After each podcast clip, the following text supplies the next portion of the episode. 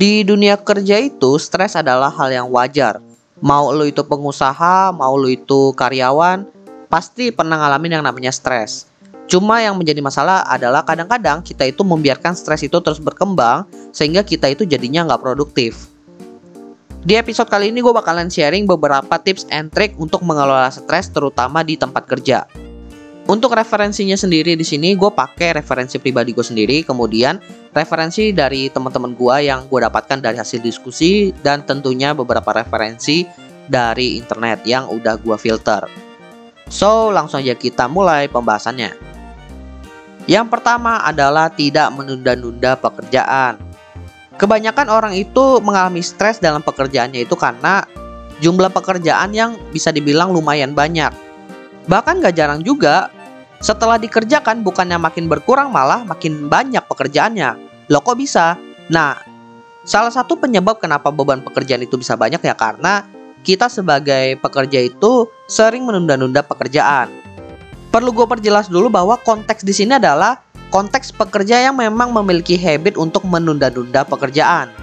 Ketika kita itu sering untuk menunda pekerjaan, tentunya jumlah pekerjaan kita itu akan terus menumpuk yang akhirnya ketika kita itu bertemu dengan deadline, akhirnya kita dipaksa untuk lembur untuk menyelesaikan pekerjaan tersebut. Dan puncak yang paling berat adalah ketika pekerjaannya itu sudah menumpuk dan deadline dari pekerjaan-pekerjaannya itu saling berdekatan. Itu bisa menyebabkan waktu bekerja yang menjadi jauh lebih panjang daripada biasanya dan hal itu bisa memicu stres. Jadi selama penyebab dari penundaan pekerjaan ini dari sisi kalian, dari kebiasaan kalian, dan kalian itu bisa mengubahnya, mulailah mencoba untuk merubah kebiasaan tersebut. Berhentilah untuk menunda-nunda pekerjaan. Lalu, yang kedua, tips untuk mengelola stres adalah dengan sharing bersama teman kerja. Jadi, sharing yang dimaksud ini adalah sharing terkait pekerjaan ya, bukan sharing terhadap hal-hal yang privacy di kehidupan pribadi kita, enggak Tujuan dari sharing ini adalah untuk mengurangi beban pikiran yang kita miliki terhadap pekerjaan kita. Selain mengurangi beban pikiran ya, kalau lingkungan kerja kalian itu suportif, kalian itu biasanya bisa mendapatkan bantuan juga dari teman kerja kalian. Lagian nggak ada yang tahu kalau kalian itu butuh bantuan, kalau kalian itu nggak sharing bahwa kalian itu lagi mengerjakan pekerjaan yang berat dan butuh bantuan. So, menurut gue sharing kepada teman kerja terkait pekerjaan itu adalah hal yang lumrah. Selanjutnya adalah istirahat yang cukup. Nah ini gue ngalamin sendiri di mana ketika gue itu lagi kurang istirahat atau kurang tidur lah contohnya. Di mana ketika gue itu dalam kondisi kurang tidur, gue itu jadi lebih gampang stres karena gue gampang terpancing emosinya. Dari segi konsentrasi pun menjadi turun, sehingga ketika gue mengerjakan suatu pekerjaan itu jadinya kurang fokus, bahkan hasilnya itu jadinya nggak maksimal. Oke lah kalau hasilnya itu kurang maksimal, tapi terkadang juga hasilnya itu bisa menjadi problematik. Dan ketika menjadi problematik, gue itu bisa dikomplain sama manajer gue. Which is menambah beban stres lagi. Ya bayangin aja kalian itu udah kurang tidur, kemudian badan lemes, eh tiba-tiba diomelin lagi. Ya gimana nggak makin stres. Tapi perlu diketahui bahwa dalam beberapa pekerjaan, salah satu termasuk pekerjaan gue di IT itu, kurang tidur itu adalah hal yang cukup sering terjadi. Tapi yang menjadi masalah adalah ketika kurang tidurnya itu terus menerus. Ibaratnya dalam waktu satu bulan itu ada seminggu lu bisa nggak tidur, nah itu bisa menjadi masalah. Tapi kalau dalam skala gue sebulan 3 sampai 4 kali kurang tidur itu masih wajar lah ya. Kadang-kadang kan memang ada waktunya lu itu harus lembur karena pekerjaan yang wajib lembur. Tapi tentunya hal itu udah gue seimbangkan dengan tidak menunda pekerjaan Sehingga setelah gue lembur dan kurang tidur lalu gue lanjut bekerja lagi, beban pekerjaan gue itu tidak terlalu banyak. Sehingga dibilang kalau stres ya lebih ke stres badan aja, badan lemes gitu. Sedangkan untuk mental dan juga pikiran nggak terlalu terbebani. Lalu tips yang keempat adalah pola makan yang teratur. Ini gue kutip dari salah satu artikel dari Halodoc di mana pola makan itu bisa membantu meredakan kecemasan. Pada dasarnya apa yang terjadi di dalam tubuh itu tergantung pada apa yang kamu makan. Memiliki pola makan yang sehat bisa membuat fungsi tubuh berjalan optimal, bahkan membuat suasana hati membaik. Kalau kita mengalami yang namanya kecemasan, ujung-ujungnya memang bakalan mengarah ke stres. Pola makan di sini tentunya berhubungan terkait gizi dan juga waktu makannya.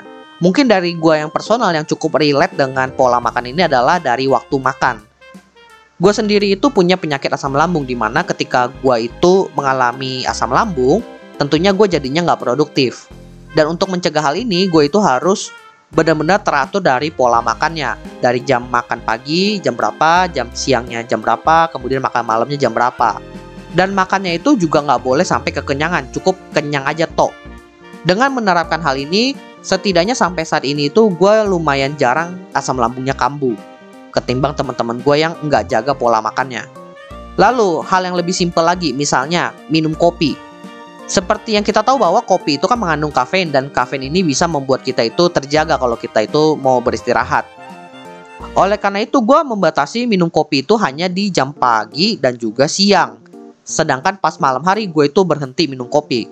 Mau ditawarin pun gue nggak mau minum kopi. Karena apa? Karena kalau gue minum kopi malam hari ya gue nggak bisa tidur malamnya kalau gue nggak bisa tidur malam jatuhnya kurang tidur jadinya nggak produktif lagi deh tentunya untuk bisa menerapkan pola makan yang sehat ini itu butuh waktu yang nggak sebentar. Perlu penyesuaian yang dilakukan terus menerus gue sendiri ngalamin dan yang bisa gue bilang adalah ini bukanlah hal yang gampang tapi selama ada niat dan mau dilakukan terus bakalan bisa terjadi. Lalu tips terakhir untuk mengelola stres di tempat kerja adalah dengan melakukan relaksasi ketika kalian itu jenuh atau mungkin kalian itu lelah dalam pekerjaan kalian. Ketika kalian itu lagi jenuh atau kalian lagi capek, nggak ada salahnya kalian itu istirahat sejenak. Karena balik lagi di awal tadi gue bilang kalau kita itu lagi capek, lalu kita paksa untuk bekerja, hasilnya itu jadinya nggak maksimal. Bahkan kalau lagi sial-sialnya kalian itu nggak fokus, hasil pekerjaannya bisa jadi problematik juga. Dan istirahat sejenak itu bisa membantu untuk membuat kita itu mengembalikan fokus kita kembali. Ada salah satu teknik manajemen waktu untuk mengelola fokus ya, yang cukup terkenal di dunia pekerjaan itu adalah teknik Pomodoro. Di mana ada interval dalam waktu mengerjakan pekerjaan, kemudian ada interval istirahatnya dan itu dilakukan terus-menerus. Di mana ketika kalian itu melakukan pekerjaan, durasinya itu sekitar 15 menit sampai 25 menit. Kemudian dilanjutkan dengan istirahat 5 menit dan dilakukan terus-menerus sampai pekerjaan kalian itu selesai. Gue kadang-kadang menerapkan teknik ini ketika memang pekerjaan gue itu lotnya lagi banyak dan buat gue secara personal lumayan efektif juga karena gue itu jadinya punya prioritas waktu untuk bekerja dalam kurun waktu tertentu. Kemudian ada prioritas istirahat dalam waktu tertentu juga. Oke, jadi itulah beberapa tips and trick mengelola stres di tempat kerja. Sebenarnya dalam pengelolaan stres ini ya bukan cuma terpaut di tempat kerja aja. Harusnya kita terapkan juga di luar tempat kerja kita juga. Karena namanya juga stres itu berkelanjutan dan panjang biasanya. Kalian itu bisa membawa stres itu bahkan di luar jam kerja kalian sehingga itu mempengaruhi kualitas hidup kita juga.